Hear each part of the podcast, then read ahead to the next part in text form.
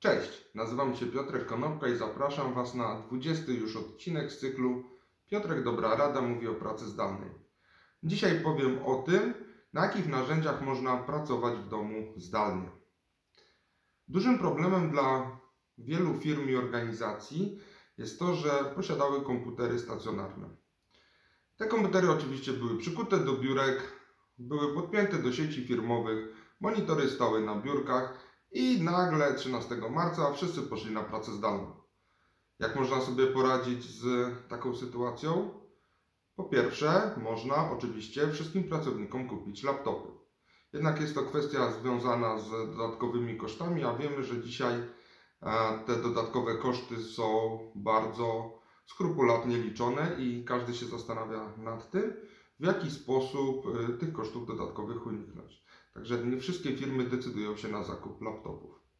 Innym rozwiązaniem jest kupno tańszych komputerów stacjonarnych. Jedno zaprzyjaźnione biuro rachunkowe kupiło wszystkim swoim pracownikom komputery stacjonarne, natomiast komputer stacjonarny z domu pracownika i komputer stacjonarny w biurze zostały połączone przez pulpit zdalny i w ten sposób pracownicy mogą pracować z domów na komputerach firmowych. Ale to jest także kwestia związana z kosztami. Co prawda komputer stacjonarny jest tańszy od laptopa, ale nadal to są koszty.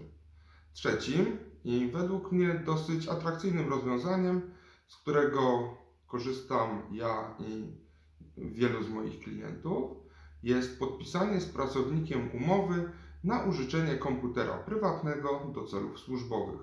Co to oznacza?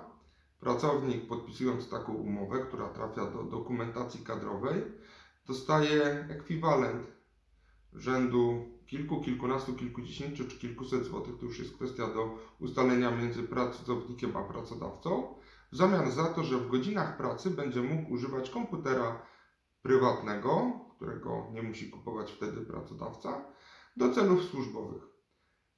W ten sposób zabezpieczamy sobie sam sprzęt, sam hardware. Oczywiście kwestia zestawienia bezpiecznych połączeń i udostępnienia zasobów w sieciach firmowych jest innym tematem. Także pamiętajcie, możecie kupić laptopy, możecie kupić komputery stacjonarne, ewentualnie podpisać z pracownikiem umowę na użyczenie komputera prywatnego do celów służbowych. Czwartym, nierekomendowanym elementem jest powiedzenie pracownikowi: siedź w domu, ja ci będę płacił pensję, nie masz komputera, no niestety musisz sobie radzić bez niego.